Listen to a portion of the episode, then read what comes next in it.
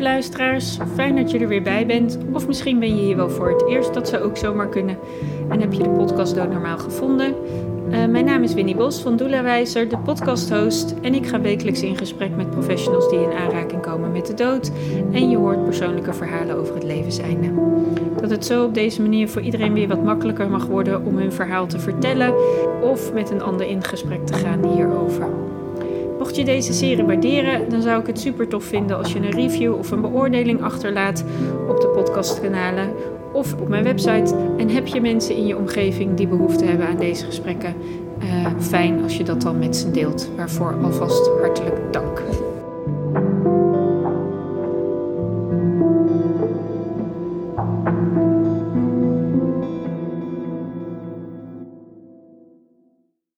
Ik zit vandaag aan tafel met Tammy Rafit. Ja, Tammy. Fijn om jou nou eens een keer aan deze kant van de tafel te spreken. Ja. Ja, want uh, alweer enige tijd geleden um, vond jij mij in jouw zoektocht naar gasten voor het programma Iedereen Verlicht, waar jij uh, altijd hele mooie afleveringen voor maakt. Klopt.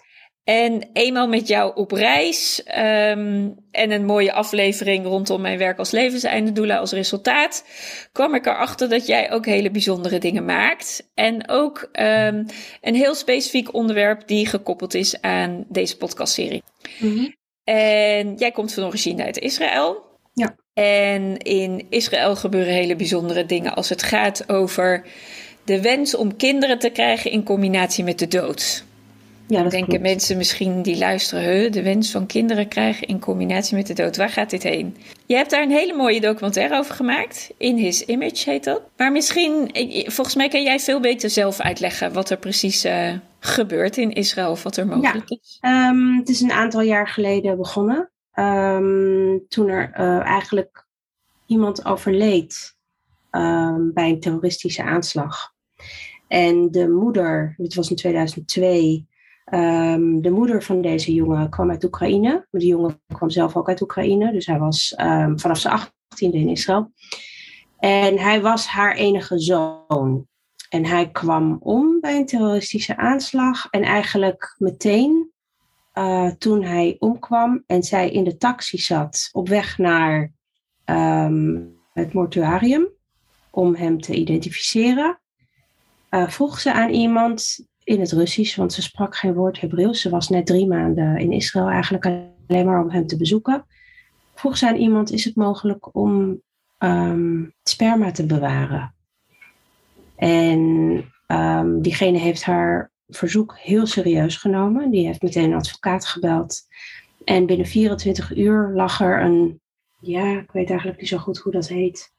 Um, nou ja, lag er, een op, lag er een opdracht van rechtbank eigenlijk.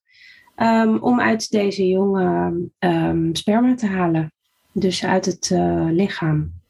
Van deze uit, het al dode, al, ja. uit het al dode lichaam dus. Ja, ja. Het is de eerste keer dat dat is gebeurd in Israël. Dat was 2002. En eigenlijk um, was zij president. Dus daarna zijn er een heleboel ouders uh, die hetzelfde hebben gedaan. Maar ook in gevallen van um, zoons die zijn overleden aan kanker bijvoorbeeld. Als je um, chemotherapie krijgt, als jij een vorm van kanker hebt waar, waarbij ze denken dat die chemotherapie heel effectief gaat zijn, dan wordt jou aangeboden um, voor het traject begint met de chemotherapie om sperma in te vriezen. Omdat als je de chemotherapie hebt gehad en je wil daarna nog kinderen, dan is het beter om sperma te gebruiken van daarvoor, want je weet nooit um, ja, wat die chemotherapie allemaal aanricht in je lichaam. Daar zijn dus ook gevallen van. Er zijn gevallen van um, ouders die helaas hun zoon hebben moeten begraven omdat hij is overleden aan kanker. Uh, en die daarna opeens um, ja, op het idee kwamen om dat sperma wat ergens uh, in het ziekenhuis in een uh, vriezer zat te doneren aan een vrouw met een kinderwens. Dus zo is dat eigenlijk langzaam aan zijn er verschillende gevallen geweest. Uh, we hebben het niet over een fenomeen wat heel groot is. Ik denk dat er in totaal uh, tussen de 20 en 30 kinderen op deze manier op de wereld zijn gebracht. Dus na de dood van hun vader eigenlijk ter wereld gekomen. Ehm, maar het is, ja, het is wel een heel opvallend uh, verschijnsel. Ja. Volgens mij, ik heb in mijn onderzoek in ieder geval geen ander land gevonden waar dit gebeurt. Ik denk wel dat het gebeurt onder de radar. Dus ik denk dat er wel uh, gevallen zijn waarbij ja, er bij een privékliniek erg veel geld wordt betaald om, uh, om dit stiekem te doen. Dus gewoon uh, niet officieel. Dus het gebeurt wel. Ik heb verhalen gehoord in Amerika en in Engeland van mensen die dit wel hebben gedaan. Grootouders die toch een kleinkind um, hebben gekregen met het sperma van hun zoon. Um, maar dus niet volgens de officiële kanalen. En in Israël gebeurt het officieel. Dus je, ja, ouders moeten wel een heel lang traject aan van rechtszaken met advocaten. En um, er moet nogal wat aangetoond worden voordat dit lukt. Het is absoluut niet simpel. Sommige ouders zitten jarenlang in zo'n rechtszaak verwikkeld. Vaak is de staat tegen, soms is er een weduwe die tegen is. Um, maar ja, de, de ouders die, um, bij wie het lukt, die kunnen dan het sperma doneren aan een um, alleenstaande vrouw die graag een kindje op de wereld wil brengen, maar niet naar de spermabank wil. En er eigenlijk een familie bij wil hebben van de andere kant. Uh, dus dit gebeurt. Ja, dit is een heel bijzonder fenomeen en daarom heb ik er een film over gemaakt. Ja, want uh, wat maakt dat het zeg maar in Israël wettelijk is toegestaan dat dit uh, mag gebeuren? Want jij zei al, hè, toen dit voor de eerste keer gebeurde, werd er gelijk een advocaat bijgehaald. Dus dat wil iets zeggen over dat het niet heel simpel ergens geregistreerd staat dat het mag. Nee, er is dat... geen wet. En daar zijn ze nu heel hard mee bezig om een wet te maken, want er is geen wet hierover. Maar um, wat er gebeurt is dat, kijk, sperma van een dood iemand is eigenlijk niemands eigendom. Hmm. Dus om dat te claimen voor de grootouders, om dat te claimen, moet je de staat aanklagen dat jij dat potje uit die vriezer wil hebben om te gebruiken. Die krijg je niet zomaar. Dat is natuurlijk. Uh, ja, dat wordt beschermd. Dat, daar zitten allerlei soorten protocollen aan vast. Dus die ouders moeten de staat uh, en het ziekenhuis uh, en soms ook andere instanties um, aanklagen.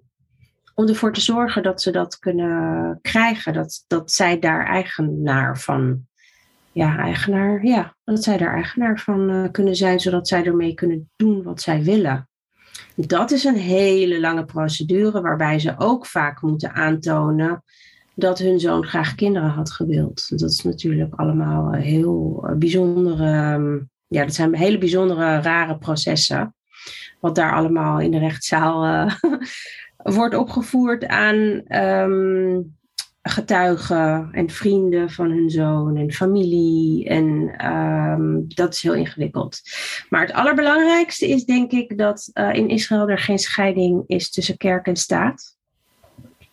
Wat betekent dat als een rechter wordt geconfronteerd met zeer ingewikkelde kwesties waar hij eigenlijk geen antwoord op kan vinden. En waar eigenlijk in de wetboeken niets over staat. En, en dat is natuurlijk deze kwestie. Er staat helemaal niets over in de wetboeken. Dan mag een rechter um, inspiratie opdoen in de oude teksten van het Oude Testament. En het feit dat dat kan um, in een vonnis, hè, dat, um, dat bepaalde passages uit het Oude Testament aangehaald kunnen worden om iets te proberen uit te leggen of iets proberen te begrijpen, um, dat komt doordat Israël geen scheiding heeft tussen kerk en staat.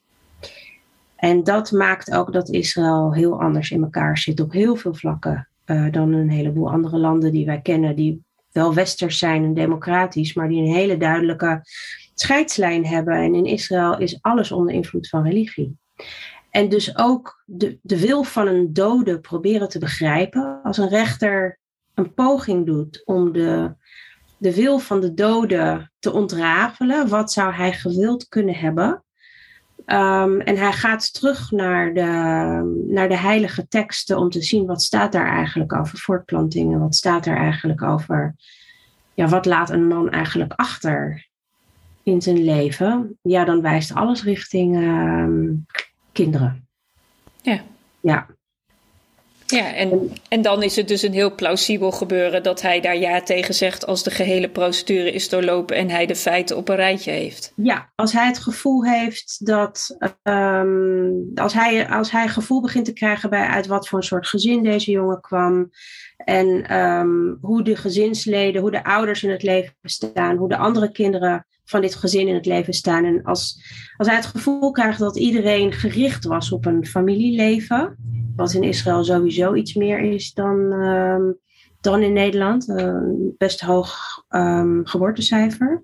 Ik geloof 2,9.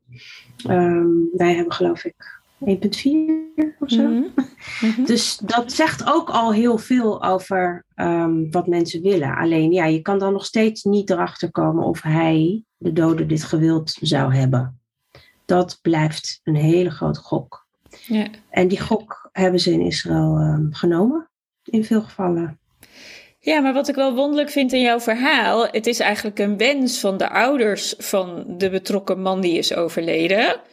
Maar als je, eh, jij beschrijft, ja, het is een, een, een, een ellenlange procedure die echt jaren kan eh, bestrijken, waarop dan uiteindelijk resultaat komt of er een, een ja of een nee uiteindelijk uit resulteert. Maar daarin nemen ze dus heel veel mensen in mee die om hun zoon uiteindelijk heen stonden. Want als er bewijsmateriaal moet worden aangeleverd, ik hoorde jou zeggen, ja, er wordt er, hè, broers en zussen, van alles en nog wat wordt erbij gehaald om uit te vissen hoe en wat. Ja. Dan kan dat wel een wens zijn van de grootouders. Maar man, je neemt daar nogal wat mensen in mee om dat uiteindelijk tot een, ja, tot, tot vervulling te brengen. Klopt, ja. Die worden allemaal aangevoerd als ehm, getuigen. Die mogen verhaal komen doen. Vrienden, vriendinnen. Ehm, ik heb ook vrienden van, van één verhaal, heb ik de vrienden gesproken van de, de overleden jongen. Ehm, en die zeiden zelfs, dat vond ik echt eh, heel bijzonder. Die zeiden zelfs tegen mij, hij had het altijd over een dochter. En hij wist ook al hoe ze moest gaan heten. Hè? En toen dacht ik bij mezelf, wauw, die jongen is overleden toen hij 21 was. En dat al zijn vrienden toen al wisten, ehm, hij wilde een dochter en ehm, ik geloof dat ze Jaël moest heten. Ja, dat, dat, dat zegt zoveel over een cultuur. Het zegt heel erg veel over ehm, hoe mensen in het leven staan in Israël. Ze zijn wel echt een stuk meer gericht op kinderen krijgen en ehm, familie stichten dan, eh, Ja. dan in West-Europa, denk ik. Dus dat ehm, los even van het systeem, dus van geen scheiding tussen eh, kerk en staat, speelt dat ook een hele grote rol eh, in deze beslissingen. Ja, en het feit dat het een land is waar mensen het leger ingaan en jonge mannen vaak overlijden, speelt ook een rol. Dus het is, eh, het is heel erg moeilijk om in dit onderwerp niet de hele context ehm, mee te nemen om te begrijpen waarom dit daar gebeurt.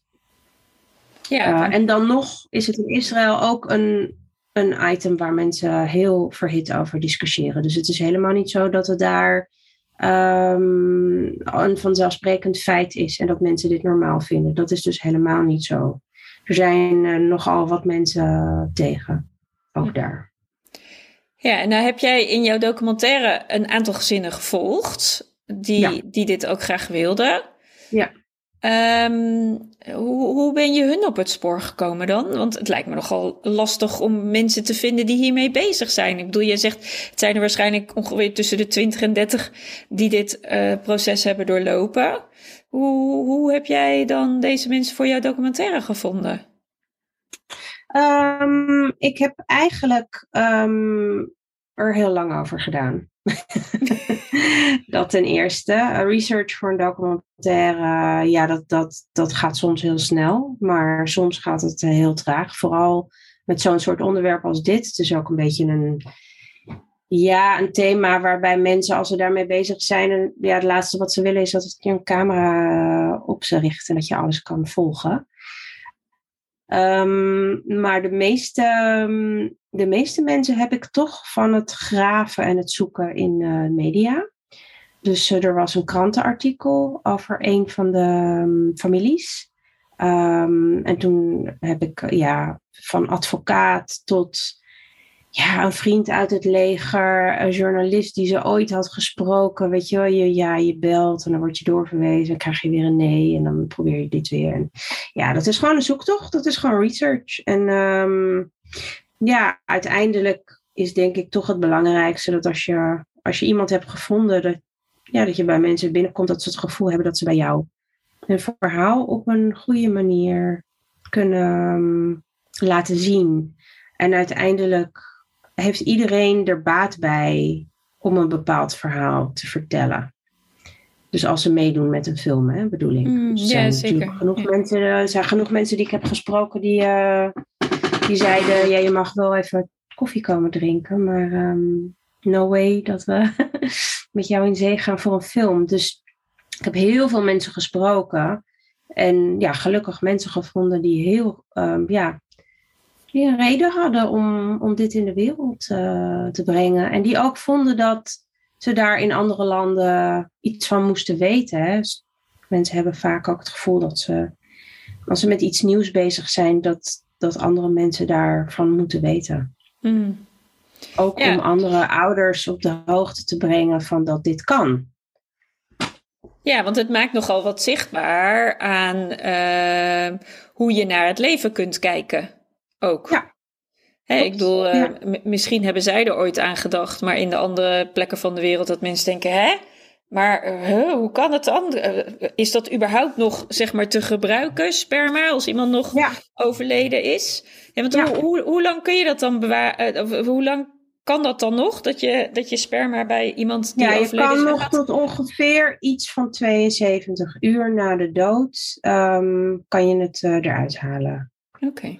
Ja, dus dat is best lang. Ja, Ja, klopt. jeetje. Ja, daar denk je niet over na, maar dat is, eh, dat, ja, dat is een gegeven. Ja, ja. Hey, en, en de drie, want je hebt uiteindelijk drie gezinnen eh, Ja. in jouw documentaire opgenomen. Hè? Ja. Eh, ehm, zijn die drie verhalen, hebben die vergelijkingen of zijn het echt drie totaal verschillende verhalen? Nou, ze hebben heel veel overeenkomsten. Ze willen alle drie hetzelfde. Mhm. Ehm, maar ze zitten ieder in een andere fase. En ik heb dat bewust gedaan, zodat je ook ehm, in verschillende fasen kan zien wat het doet, zo'n ehm, zo'n proces. Dus er zit één gezin in die eigenlijk tegengewerkt zijn door de weduwe. De Hmm. vrouw van hun zoon, de weduwe.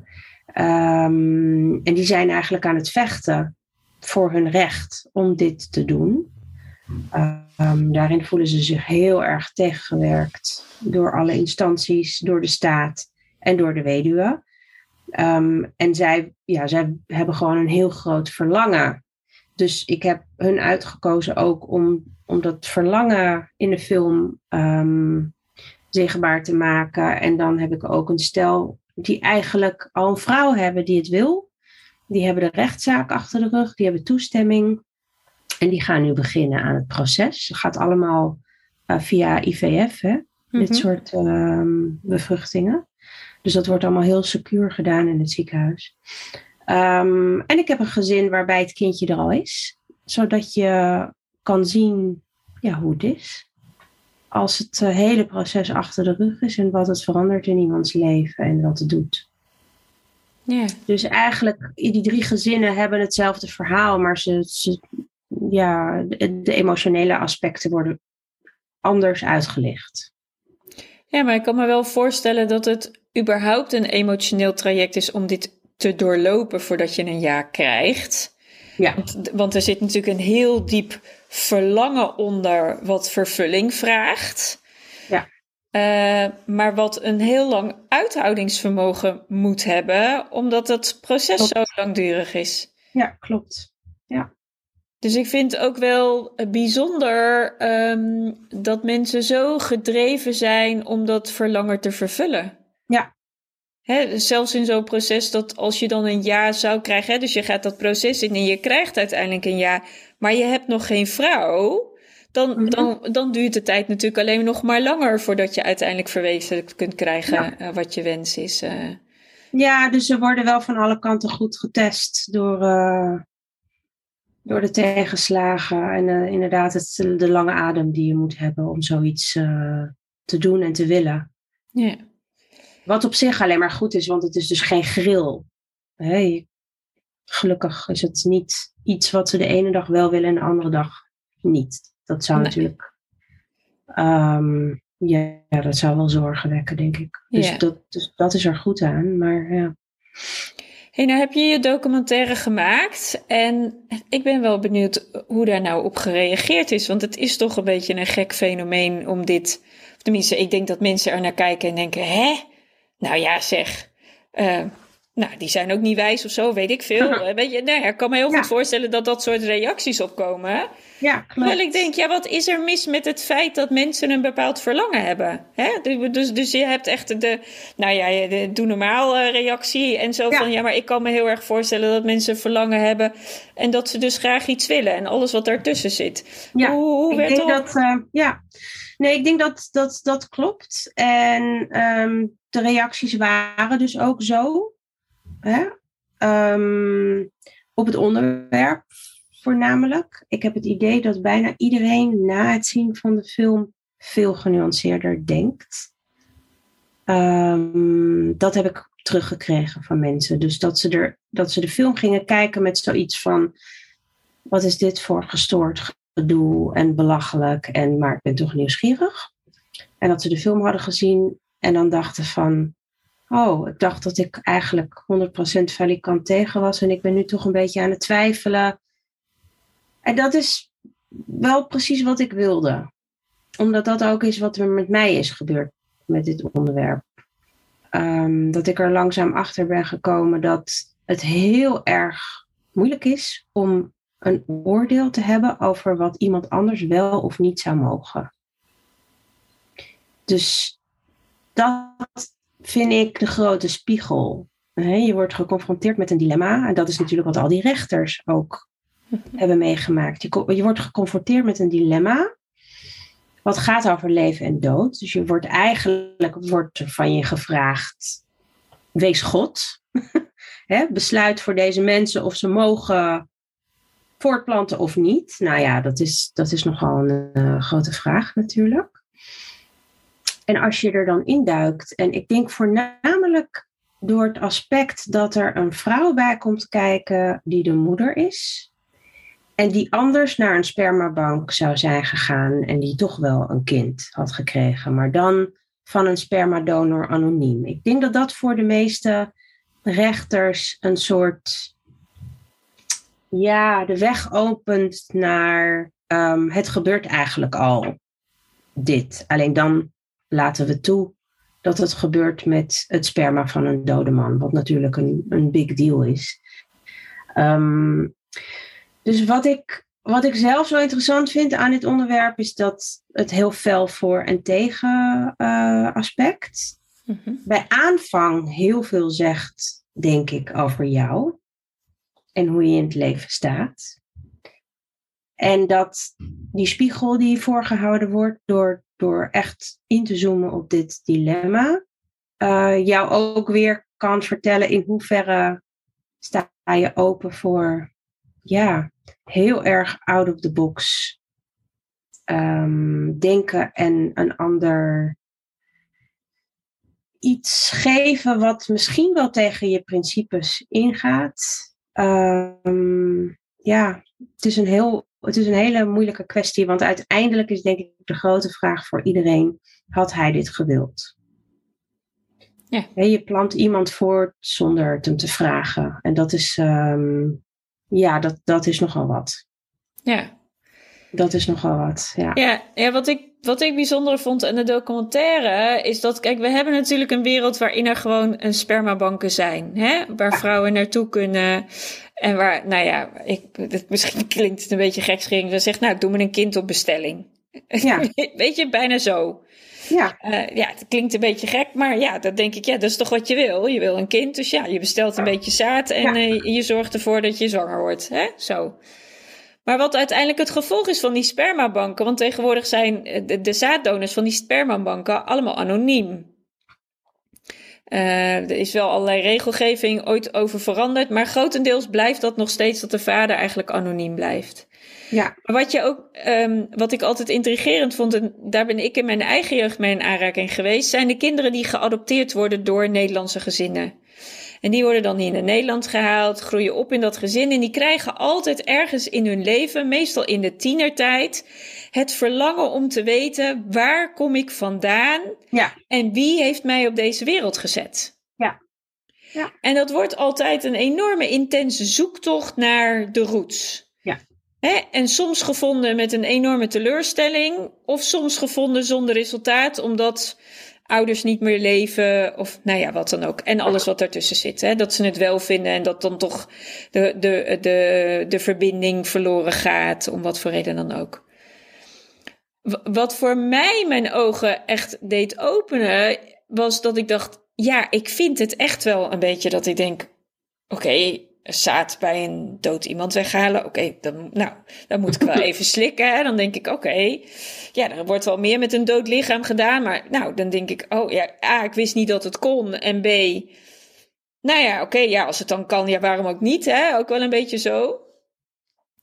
Maar wat ik er wel aandoenlijk aan vond, was hoe bijzonder is het dat uiteindelijk het kind weet, los van dat hij niet weet wie zijn vader is, want die zal hij nooit kennen. Maar hij weet wel wie de ouders van zijn vader zijn. En ook eventueel broers en zussen. Dus daar valt altijd een verhaal te halen over wie was hij. Ja. Zelfs met foto's en nou ja, noem het, hè, alles erop en eraan. En dat vond ik dan wel weer bijzonder. Dan dacht ik, oké, maar dan wordt er dus een kind op de wereld gezet die per definitie nooit zijn vader zal ontmoeten, want dat kan niet maar wel zijn familie en zijn gezin uh, uh, ja, waar die uit voortkwam. Hoe bijzonder is dat? Ja. En daar was ik verrast over dat ik er zo naar kon kijken. Dat ik dacht, ja. oh, ik kan dus echt ook wel. Ja, ik, ik moest ook wel even, hè, uh, even wennen en even zo, oh. Zo'n zo'n verschuiving in mezelf kon ik wel echt ervaren. Van, oh, dit gaat wel echt over een paar ethische grenzen ook. Maar dan nog uh, vind ik die ethische grenzen belangrijker dan het verlangen van het krijgen van. Ja. Dan denk ja. ik, ja, de, wij zijn op deze wereld voort, uh, hè, op de wereld gezet om ons voort te planten. Dus ja, dan is het toch niet zo gek dat je een voortplantingsdrang hebt. Nee. Dus nee, dat, dat, is, dat, is, dat zijn al die kwesties uh, waar je dan over gaat nadenken. En um, ja, het punt is gewoon dat dit eigenlijk een variatie is op iets wat al bestaat. Ja. Dus we vinden het eigenlijk al heel normaal dat er een spermabank is. En we vinden het heel normaal dat er kinderen van worden gemaakt die nooit hun vader zullen kennen. We vinden het heel normaal dat er een heleboel mannen rondlopen op de wereld die voor geld hun sperma hebben verkocht. En nooit zullen weten dat ze kinderen hebben of hoeveel kinderen ze zullen hebben of waar hun kinderen rondlopen of hoe het met ze gaat. Dat vinden we dus allemaal normaal. Dat hebben we geaccepteerd. Dat is allemaal legaal. En, en dan is dit er een variatie op. Um, en dan is dat, en ja, en als je dan bekijkt in het grotere plaatje, dan, ja, dan, als je er dan, um, als je het problematisch vindt, dan vind je eigenlijk over de hele linie al deze dingen die ik net heb genoemd best wel problematisch. Um, en dat vinden eigenlijk een heleboel mensen ook nog steeds. Ja. En het is ook al lang bekend van kinderen die gemaakt zijn met um, donorsperma, dat ze uh, op een gegeven moment heel graag willen weten wie hun vader is. En helemaal niet om een relatie met hem op te bouwen, want ze weten dat dat er waarschijnlijk ook gewoon niet in zit. Uh, maar gewoon weten wie die is, waar die woont, hoe die eruit ziet, wat voor leven die heeft. En om die reden is ook die anonimiteit afgeschaft. Hè? In Nederland heeft een kind gewoon het recht op zijn, ik weet niet, 16 of 18. Yes, ja, ik weet niet 16 volgens mij. welke leeftijd dat is, eh, gewoon het dossier te krijgen en de naam eh, van de persoon eh, van wie die 50% van zijn genen van heeft gekregen. Dus dat is ook gewoon eigenlijk een, weer een nieuwe ontwikkeling, voortbordurend op dat oude. En in Israël, dat is wel echt belangrijk om te vertellen, is dat niet. Dus daar staat die anonimiteit eh, als een paal boven water. Dus dat is gewoon ehm, onmogelijk als een vrouw naar een spermabank gaat. Onmogelijk voor dat kind om ooit erachter te komen wie de donor was. En dat is voor een heleboel vrouwen de reden om dat niet te doen. Hmm. Ja, ja, die anonimiteit wordt eh, beschermd. Ehm, en ja, dat is één karakter in mijn film ook. Die vrouw die probeert zwanger te worden van, ehm, van die familie, die zegt ook van ik wil liever met, een, met mijn kind naar foto's kijken en naar een graf gaan, dan dat ik dat kind mijn hele leven lang moet vertellen: sorry, ik heb echt geen idee wie je vader is. En is hij blond? Heeft hij blauwe ogen? Was hij groot? Was hij klein? Wat voor type was het? Geen idee. Dat, dat vindt zij erger. En ze gaat liever met een kind ehm, naar graf en zeggen: dat is jouw vader. Dat is een keuze. En wat je er ook van vindt, ja, dat is haar keuze. Ehm, het, het, het is gewoon een feit dat vrouwen, ehm, ook al vinden ze geen man, op een gegeven moment gewoon heel graag een kind willen. Er zijn er gewoon heel veel van. Het is, ja, we kunnen wel doen alsof dat niet zo is. En eh, elke, elke kind het best gebaat is natuurlijk met een vader en een moeder die leuk in een gezin samenwonen met elkaar. En dat is waarschijnlijk ook zo. Dat is het ideaal. Ehm, maar de realiteit laat toch wel echt zien dat, ehm, dat dit niet altijd zo eh, gebeurt. Nee, en dus dat eigenlijk, er, ja. eh, Ja. Ja. Ja, dus eigenlijk als je het bekijkt vanuit het perspectief van de vrouw, hè, die, de, de, de, vrouw die de, de zwangerschaps- of die eigenlijk de kinderwens heeft, ehm, is het, ja, vind, vind ik het ook wel heel erg mooi dat zij liever kiezen voor een gezin dan voor die anonimiteit met alle gevolgen van dien. Klopt. Nee, het, het, het is een verstandigere keuze. Ja. Want ten eerste eh, heeft het kind wetenschap straks van ehm, wie, ze, wie zijn of haar vader was. Ehm, maar daarnaast heeft, heeft ze er een, of nou ja, hè, zij of hij, ehm, er een heel gezin bij aan de andere kant. Met ooms en tantes en neefjes en nichtjes. Ja, dat is gewoon een veel fijner en warmer idee dan, ehm, dan dat je uit de vriezer eh, komt, niet wetende wie dat was. eh, die vader die voor geld zijn sperma heeft verkocht en eh, ook ja, wel of niet nieuwsgierig is naar wat er van hem allemaal rondloopt. Ja. ja. ja. Dus het is, een, ehm, het is een onderwerp waar je eigenlijk niet over uitgepraat raakt, omdat het heel erg te maken heeft met hoe je, hè, hoe je kijkt naar mensen en hoe, ja, hoe, hoe beschadigd, ja, hoe sterk zijn je idealen ehm, gefundeerd op het niet willen dat een beschadigd kind rondloopt. Dat is voor veel mensen is dat het argument. Het kind is eigenlijk al als wees geboren. En ja, dat voel ik ook zo. Het kind is, is half wees. En dat is helemaal geen goede start voor je leven. Ehm, daar ben ik het altijd heel erg mee eens. Alleen, ik heb gewoon gezien dat ehm, moeders die ervoor kiezen om een kind op de wereld te zetten, dat kind zoveel liefde en aandacht kunnen geven. En de grootouders ook. Dat kind is zo gewild. En daarnaast ken ik zoveel kinderen die niet zo een ideale jeugd hebben gehad. Terwijl dat wel heel romantisch begon met een ja, liefdesverhaal en ehm, een, een zwangerschap op de natuurlijke manier. Dat ik soms gewoon ook niet meer zo goed weet ehm, hoe je moet denken over dingen. Nee, maar kunnen we er niet gewoon. Weet je, ik vind dat het zo mooi. Het is heel altijd om, makkelijk om ergens een mening over te hebben. Ja. Maar Ja. eigenlijk zou je gewoon echt een hele ja, vrije blik mogen hebben naar de wereld waarin we leven. Ja. En daar gewoon per geval of per situatie waar je mee in aanraking komt, gewoon jezelf afvragen: oké, en hoe vind ik dit dan? In plaats van Ja. bij voorbaat al een mening erover te hebben. Want Ja. hetzelfde wat jij natuurlijk hebt eh, ervaren door het onderzoek te doen en door de families te ontmoeten en door al die verschillende eh, processen waar zij doorheen gaan te zien, A, wat ze moeten doormaken, maar ook B, waarom ze willen wat ze willen als het resultaat er dan eenmaal is, wat dat betekent, zowel voor moeder als kind als voor de grootouders. Ehm, dan denk ik, ja, we kunnen nooit alles van tevoren voorspellen.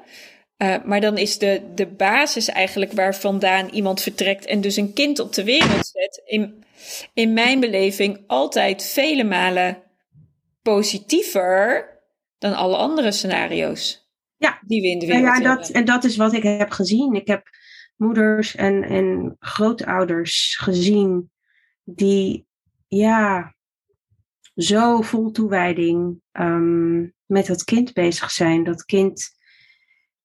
Ja, kijk, als je het negatief bekijkt, dan, dan denk je, ja, dat kind wordt opgezadeld met eh, al die verhalen over eh, de vader die er niet is. En ehm, hè, die moet als een soort van levend monument voldoen aan alles wat, wat iedereen mist aan die man.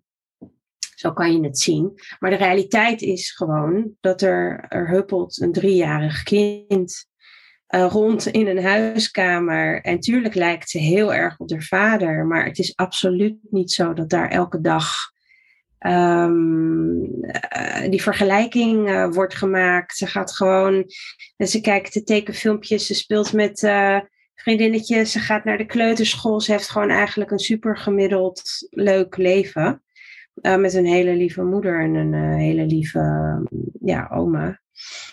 Ehm, haar verhaal, ik denk zelf dat haar verhaal, dus het kind wat dan Mhm. ehm, in mijn film zit, haar verhaal, haar persoonlijke verhaal is, staat heel ver af van het verhaal van haar vader.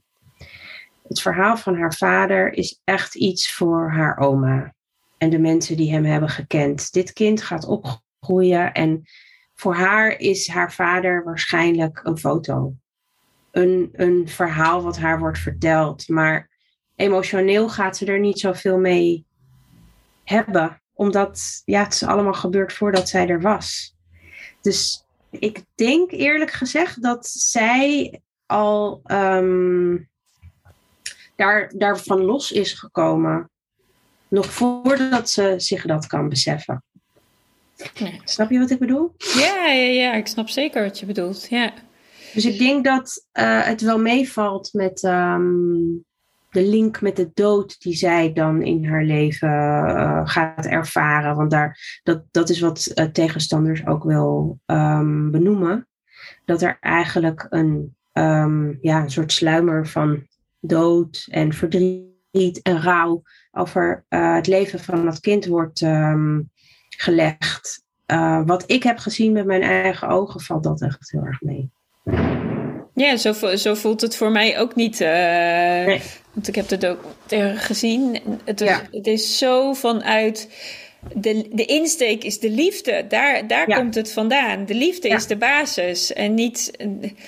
Maar het, wat ik altijd bijzonder vind als er verhalen op tafel komen die afwijken, om het maar even zo te zeggen, van de norm. Dan denk je dat de norm niet bestaat. Maar goed, de wereld kijkt toch wel een beetje naar. Hè? Ja. Er is een norm. Maar Nou, zodra... we hebben een ideaal. We Ja, hebben een dat- ideaal. Ja, dat is misschien een beter woord. We hebben een ideaal. Maar als het daarvan afwijkt, dan is eigenlijk het eerste wat we vaak doen de, de, de negatieve kant ervan be- be- be- belichten. Ja. Terwijl alles heeft altijd twee kanten. Ja.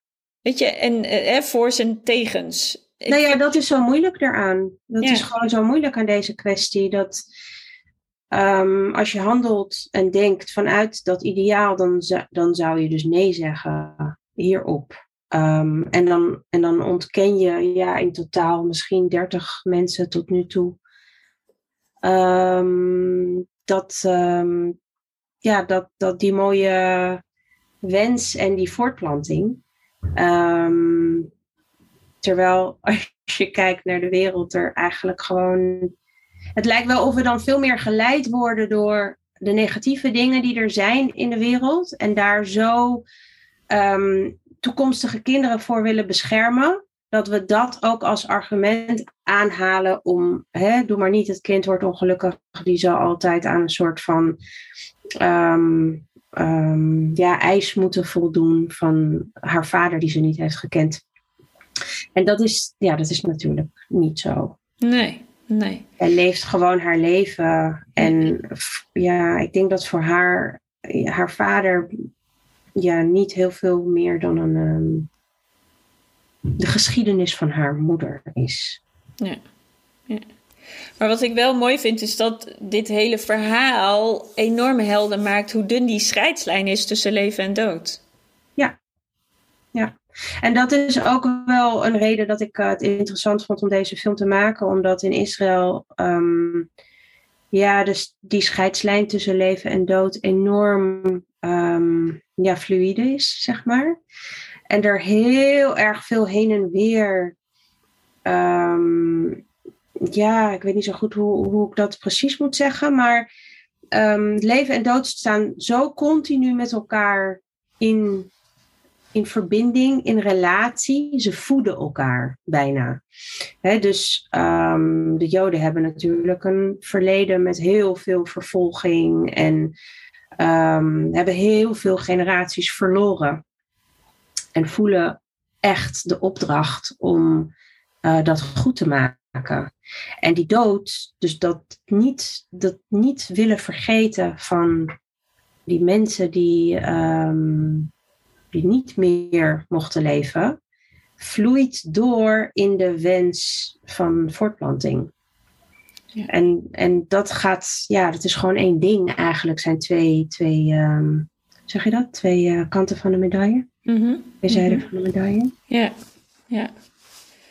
Ja, en, en ook wel denk ik belangrijk wat jij zegt, dat het, het, fam, het familieleven of het gezinsleven in Israël echt van een andere orde is dan dat wij in de westerse wereld gewoon uh, die hebben. En, dat, ja. en dan is het ook heel lastig, denk ik, te beoordelen vanuit buiten daar naartoe hoe je daar dan kan kijken. Want je kunt appels niet met peren vergelijken. Nee. Uh, en en uh, waar uh, mensen uit Israël vandaan komen, die hebben een heel ander fundament. Die zijn vanuit een heel ander fundament vertrokken in ja. die definitie familie. Dat, dan dat iemand in de westerse maatschappij met die definitie is vertrokken. Ja, maar ik ben, ik ben in dat opzicht geen uh, cultuurrelativist. Dus hmm. ik denk als je gewoon de juiste informatie hebt over dat land en de achtergrond en de, en de context, dan, ja, dan mag jij best een oordeel hebben. Je hoeft niet hè, daar onderdeel van te zijn van de, van de cultuur om, um, om het te snappen. Je kan het ook wel echt snappen als buitenstaander. Maar je hebt gewoon die informatie een beetje nodig. En dan mag je er ook wel, ja, je mag het ook afkeuren. Er zijn ook mensen in Israël die het um, keihard afkeuren, dit. Dat zijn er niet weinig. Hmm. Want het zijn er nogal wat. Dus het is niet zo dat Um, dat daar iedereen dit begrijpt. Helemaal niet. Nee. nee, er zijn daar nogal wat mensen en ook ethische commissies die echt hebben geprobeerd dit tegen te houden als uh, fenomeen. En nu zijn ze dus bezig met een wetsontwerp en dat vind ik eigenlijk wel heel erg goed. Ik dacht eerst dat dat is niet goed, want dan krijg je alleen maar meer en meer van die schrijnende um, mm-hmm. verhalen met rechtszaken. Maar wat ze nu eigenlijk willen doen, is dat soldaten, um, als ze gaan, um, als ze in dienst gaan, mm-hmm. dat ze geconfronteerd worden met een uh, formulier met de vraag: mocht jij komen te overlijden, um, wil je dat jouw ouders beslissen over dit soort dingen, ja of nee? En dan kan een ieder, zwart op wit, dat besluit nemen. En misschien zijn we verrast en zeggen ze allemaal: uh, ja, mijn ouders mogen met mijn sperma doen wat ze willen als ik er niet meer ben. Of misschien zeggen ze eigenlijk massaal: uh, nee, als ik er niet meer ben, dan heb ik ook niks aan uh, me voor te planten. Dus dat ik, ja, Ik wil vader zijn. Ik wil niet per se iets achterlaten op de wereld. Dus dat, het, het kan alle kanten op. Ik ben heel Ja. erg benieuwd. Wat, ehm, ja, dat, dat moet het maar uitwijzen. Wat, eh, wat de meesten dan zeggen of doen. Ehm, dus dat is het wetsvoorstel waar ze nu mee bezig zijn. Dat is heel actueel. Het is door een soort eerste ronde gekomen. Mhm. En ehm, ja, ik ben benieuwd of het uiteindelijk wordt aangenomen. En dan heb je dus hopelijk niet meer die onzekerheid over dat er elke case opnieuw bekeken moet worden. En dat je dus eh, in de rechtszaal eh, met bewijzen moet komen en getuigen die zeggen dat diegene graag kinderen wilde en zo. Nee, dan is het gewoon, ehm, dan staat het gewoon ergens in een formulier met een, met een aangevinkt dingetje. Ja. Ja. Ja. Maar zo te horen hou je het nog nauwgezet in de gaten om te, Ja. eh, bij te houden hoe dit gaat Zeker. verlopen. Ja, zeker. Ik vind het Ja. heel, eh, het is heel boeiend. Ja. Ja. Ja. In Nederland eh, is er overigens tegen gestemd. Dus er is een wet aangenomen dat dit eh, absoluut niet kan. Dus eh, er is een paar jaar geleden, ik denk door die ontwikkelingen die in Israël gebeurden, waren waarschijnlijk wat eh, medisch ethici daar al van op de hoogte.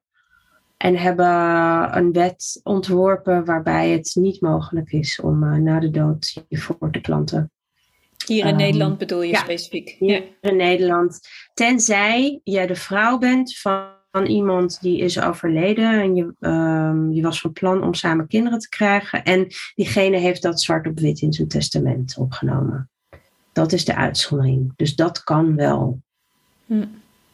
Eh, ieder land heeft daar andere, ja, andere regels en wetten over. Maar Nederland heeft in ieder geval besloten dat, dat, eh, dat ze die kant niet op willen. Dus nee, je kan je voorstellen dat het ehm, voor iemand die een geliefde verliest en heel graag daar kinderen mee wilde, en misschien al eentje heeft en van plan was om nog een broertje of zusje te maken, en diegene wordt dan ziek ehm, en heeft zijn sperma ingevroren voor de chemokuur. Hè. Dit, dit gebeurt dus regelmatig. Ik kan me voorstellen dat, ja, dat je dan graag nog een kind wil. ehm, en dat als je dat eh, eh, ja, goed zwart op wit ehm, in je testament zet, dat dat dan ja, moet kunnen. Ja, maar dit is wel weer mooi dat er dus iets wat elders in de wereld heeft plaatsgevonden, ineens ook heel dicht bij huis dus gaat spelen. Ja. En dat men Ja. daar dus op acteert en uiteindelijk regisseert, want het is Ja. zelfs wettelijk eh, hè, eh, vastgelegd, om te zorgen dat men hier niet in die discussie geraakt. Zo zou ik hem eigenlijk bijna Ja, willen, Ja, willen zeker. Alleen ik denk wel dat ehm, nou, de wereld verandert. Hè? Ja. En de, ehm, de maakbaarheid van het leven verandert mee. Zeker. En vooral op het gebied van voortplanting eh, zijn er heel veel ontwikkelingen de hele tijd. Eh, we hebben nu al dat mensen naar Spanje reizen of naar eh, België ehm, om IVF te doen of eh, andere soorten behandelingen die ze hier niet kunnen krijgen. Dus je hebt al een soort voortplantingstoerisme. Ehm, mensen bestellen een, eh, een eitje, een eicel uit Oekraïne. Ehm, omdat ze zelf geen eh, goede, gezonde eitjes meer hebben. Draagmoederschap, nou, noem maar op. Hè. Dus er zijn allerlei verschillende soorten ontwikkelingen. En volgens mij gaat dat alleen maar toenemen. Omdat mensen op een steeds latere leeftijd besluiten dat ze toch nog wel een kind willen. En dan eh, de middelen gaan zoeken die, eh, die dat mogelijk maken. Dus ja, ik heb het idee dat dat laatste eh, erover nog niet is gezegd. En dat mensen altijd wel op zoek zullen gaan naar een manier om, ehm, om dit soort dingen te doen als ze dat in de toekomst Ja. willen. Ja, je, maar dat, de, het, het, feit dat wat jij nu omschrijft gaat gebeuren, kan je bijna voor 100% zekerheid aannemen. Ja. Want je ziet al hoe mensen hun grenzen hebben verlegd rondom als je het verlangen hebt om je voor te planten, waar je to- dus toe in staat bent om naartoe te reizen of, hè, of welke stappen je geld dan aan wilt uit te nemen. geven. Ja, precies. En om geld aan uit te geven om uiteindelijk toch je verlangen te vervullen. Dus dat men daar in hun grenzen alleen maar gaat stretchen Ja. dan kun je bijna natuurlijk vergif op innemen. Precies. En, dat, en het is heel goed dat er mensen zijn die op, een e- op de ethische kant of eh, op het ethische vlak bezig zijn om de hele tijd te onderzoeken: moeten we dit willen? Ehm, moeten we dit eh, mogelijk, eh, mogelijk maken? Maar sommige stappen zijn gewoon al gezet. Die kan je niet terugdraaien. De spermabank kan je niet terugdraaien. Draagmoederschap kan je niet terugdraaien. IJsseldonatie kan je niet terugdraaien. Dus dat bestaat. Op het moment dat iets bestaat, gaan mensen zich afvragen of ze dat willen. Ja. Ehm, en dat is met dit denk ik uiteindelijk ook. Dus ik, ja, ik ben heel erg benieuwd. Blijft dit echt een soort van Israëlisch fenomeen?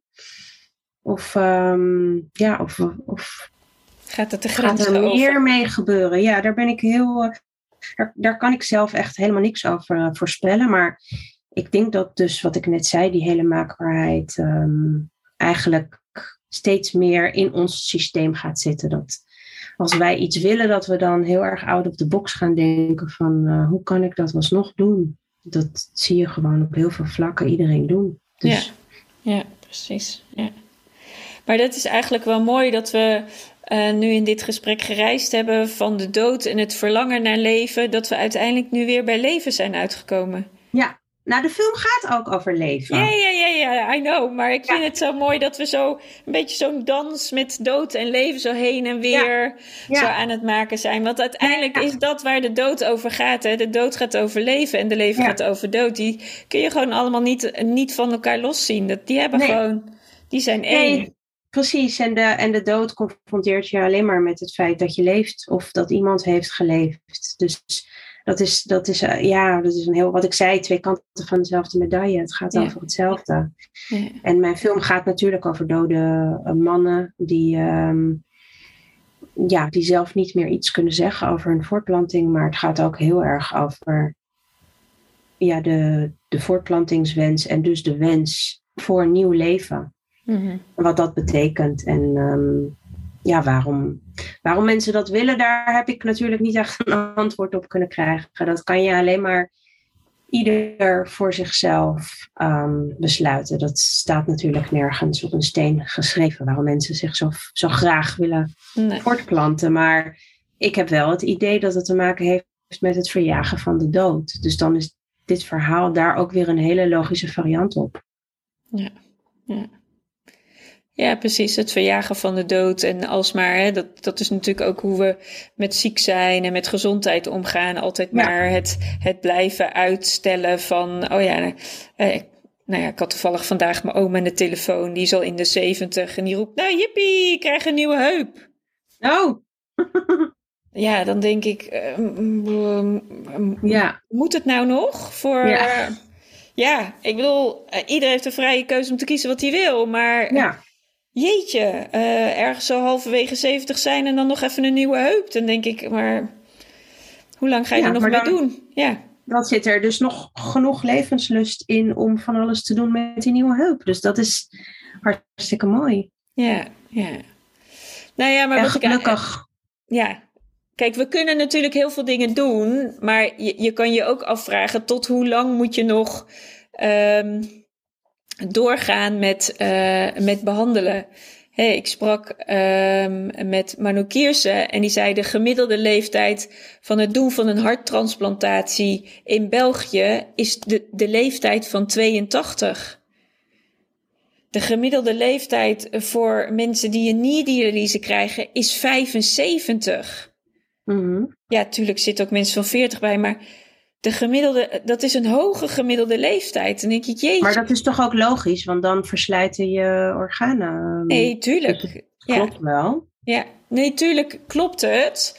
Alleen de vraag is, hoe lang ga je dan nog door? Ik bedoel, doe je dat dan ook nog bij mensen die 90 zijn en 95? En Nou, en volgens mij hoeven we ons die vraag niet eens te stellen, want de vergrijzing gaat er gewoon voor zorgen dat er, er gewoon niet genoeg geld zal zijn om iedereen van 82 een harttransplantatie te geven. Dat is gewoon een feit. ja. Dus je kan er heel lang over nadenken. Weet je wel, is het ethisch en moeten we, moeten we dat doen? Maar ja, omdat we eigenlijk met z'n allen veel te weinig kinderen hebben gemaakt, ehm, zal, dat, zal die realiteit ons heel hard gaan inhalen. Er zal gewoon geen tijd en plek en personeel zijn om de hele tijd iedereen uh, nieuwe heupen en um, dialyses te geven. En dat ja, dus eigenlijk heel treurig, vind ik. Ja, dat is zeker heel treurig. Ja, dus dat, is, zeker. Uh, maar dat ik denk, ik ben wel echt bang dat dat. Uh, we zitten nu op de piek van die babyboomers en die allemaal gezond zijn en oud worden en hele hoge leeftijden halen. En um, nou ja, dan komen straks nog veel meer oudere mensen erbij. Ja, en dan is het de vraag wat er, wat er gaat gebeuren. Ja. Um, dus daar is het laatste nog niet echt over gezegd. Nee. nee, nee. Dus, dat, dus ik, ja, ik ben bang dat we toch wel meer moeten gaan leven met wat we hebben gewoon. In plaats van inderdaad de hele tijd dat maakbare um, door te zetten. Ja, precies. Dat, dat, daar ben ik wel een beetje bang voor. Maar goed, ja. dat zullen we zien over uh, ja. 20, 30 jaar. Ja, wij, gaan, wij gaan het meemaken, denk ik. Ja, ja, zeker. Ja, wij gaan het meemaken. Hey, nou, is de documentaire In His Image, die is er. Ja. Uh, uh, hij wordt vast nog steeds bekeken door mensen, vermoed ik zo. Ja, zeker. Krijg je er ook nog wel eens respons op? Of, ja, ja, ja, zeker. Want um, het is een onderwerp waar, waar ja, mensen dus heel ja, intens op reageren. Uh, maar het verbaasde me heel erg. Ik ben vorige week geïnterviewd door een um, uh, meisje van 17. Oh. En die schreef haar werkstuk over dit onderwerp door mijn film. Dus die kwam mij interviewen en het, um, ik vond het heel erg leuk. Want voor mijn gevoel is het een film die wat meer mensen van een wat oudere leeftijd uh, interesseert, het onderwerp. En ik had het idee dat jonge mensen gewoon nog helemaal niet bezig zijn met dit soort issues. En het dus eigenlijk ook niet interessant vinden. En zij vond het wel heel erg interessant. Um, dus ja, zo komt er hier en daar uh, um, ja, weer wat op mijn pad. Uh, en zijn mensen geïnteresseerd. En heb ik weer dit soort gesprekken, net als met jou over die hele ethische kwesties. En um, ja, vind ik het leuk om erachter te komen wat de film met mensen doet. Um, ja, dat, dat, doet me, dat doet me wel veel. Ja, en wat ik, wat ik er wel mooi aan vind, is dat er wordt in ieder geval over gesproken. Ja. En jouw zeker. film ge geeft eigenlijk de aanzet tot het gesprek. Ja, ja zeker. Ja. En, en, en wat het mooie is, je hebt hem natuurlijk al een tijdje geleden gemaakt. En iedere keer toch weer kom je daarover in gesprek. Dus hoe mooi is dat, dat het steeds, blijft uh, steeds wordt aangeraakt. Ja, want het is ook een onderwerp waar eigenlijk, heb ik ontdekt, bijna iedereen iets over, iets van vindt.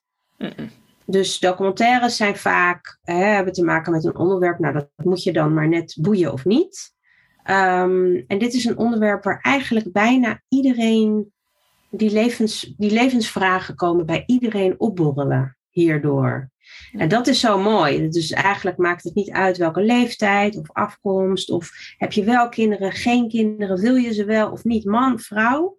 Um, over de hele linie zie je dat, dat mensen gepassioneerd raken, omdat ze hier iets van vinden. En dat vind ik heel erg leuk.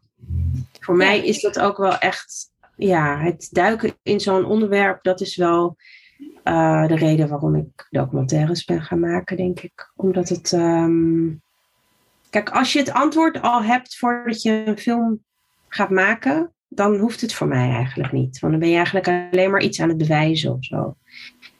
Ik vind het leuk om ergens in te duiken waarvan ik weet dat het niet helemaal helder is wat ik ervan vind. Om er vervolgens uit te komen met een, ja, veel, veel meer laagjes. En uh, als dat ook is wat de film bij mensen doet, als ze eruit komen, ze hebben veel meer laagjes eigenlijk ontwikkeld over dit. Um, ja, dat is fantastisch. Ja. Ja. Ja, dat, ik vind het echt prachtig. Uh, eh, ook bij mezelf dan ervarend hoe eerst van he en dan naar. Ja, nou, het is eigenlijk wel hè, die reis die je dan in jezelf maakt. Alleen ja. maar door zo'n thema tot je te nemen. Ja. Maar echt met die nieuwsgierige blik gaat zitten. Hè? Zo van ja, weet je, ja, ik vind er eigenlijk wat van, maar oké, nou laten we dat vinden maar even neerleggen en ga gewoon maar kijken. En, la, en, en, en, laat het dan maar eens tot je komen. En, en ga dan maar eens kijken, oké, en wat, hè, hoe voelt het dan? Of wat vind ik ervan? Op die manier. En ja, ik, ik vind het heel mooi. Uh, het is natuurlijk, hè, wat je al eerder zegt, het, het, het, eigenlijk bestaat het al, al is het in de vorm zoals je het in de documentaire hebt gedaan die kennen we niet zo goed. Maar het is eigenlijk gelijkend op wat er al gebeurt. Uh, en toch brengt, doet het heel veel stof opwaaien. Nou ja, fantastisch. Dan hebben we een gesprek om met elkaar aan te gaan.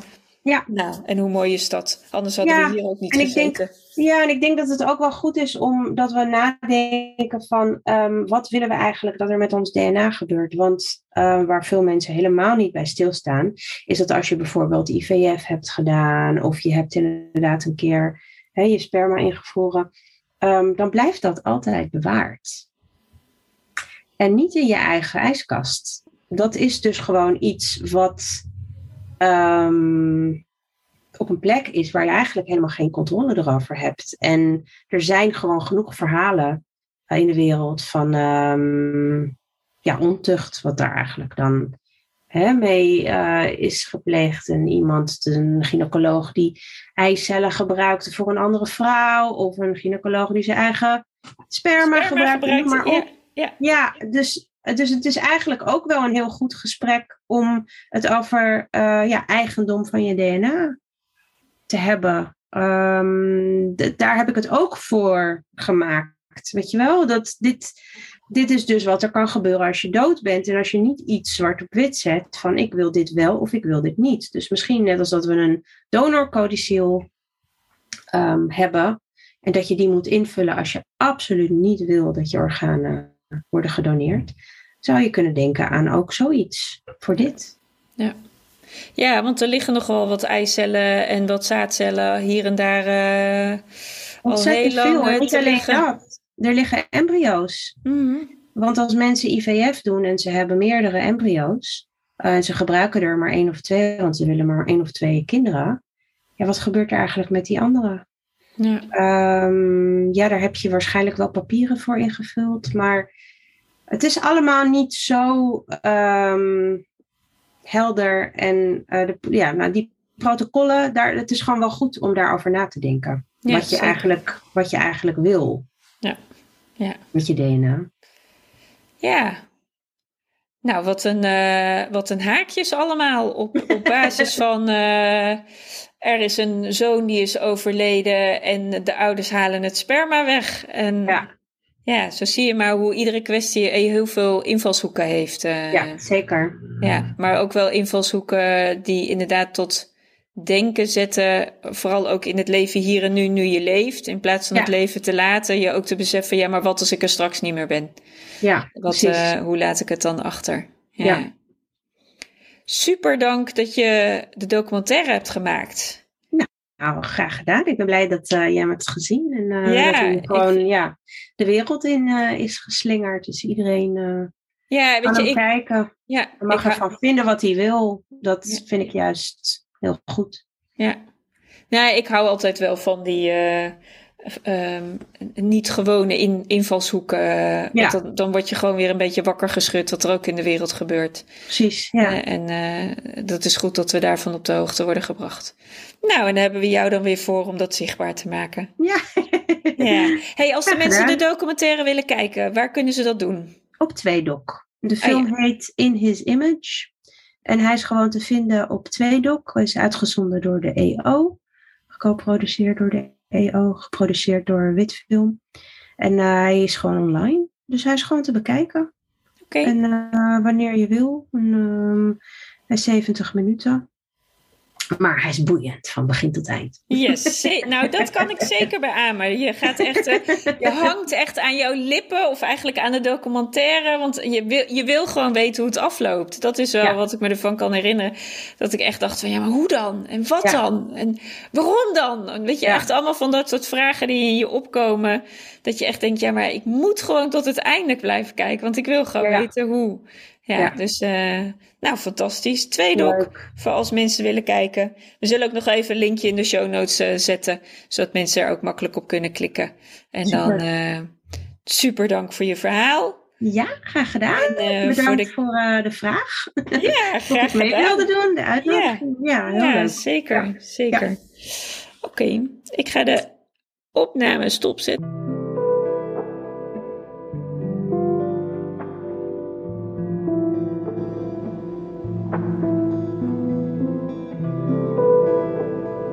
Dat was hem weer voor deze week. Eh dankjewel voor het luisteren. Fijn dat je er weer was. Ehm, mocht het nou zo zijn dat je vragen hebt of opmerkingen of suggesties of wensen voor onderwerpen of heb je gasten die je kunt aanreiken, dan sta ik er altijd voor open. Eh dankjewel als je met me mee wilt denken. Eh, hetzelfde voor het delen. Deel het met je vrienden, bekenden, familie, wie dan ook in je omgeving. Want hoe meer de verhalen verspreiden, eh, hoe beter het is. Voor nu, tot de volgende aflevering.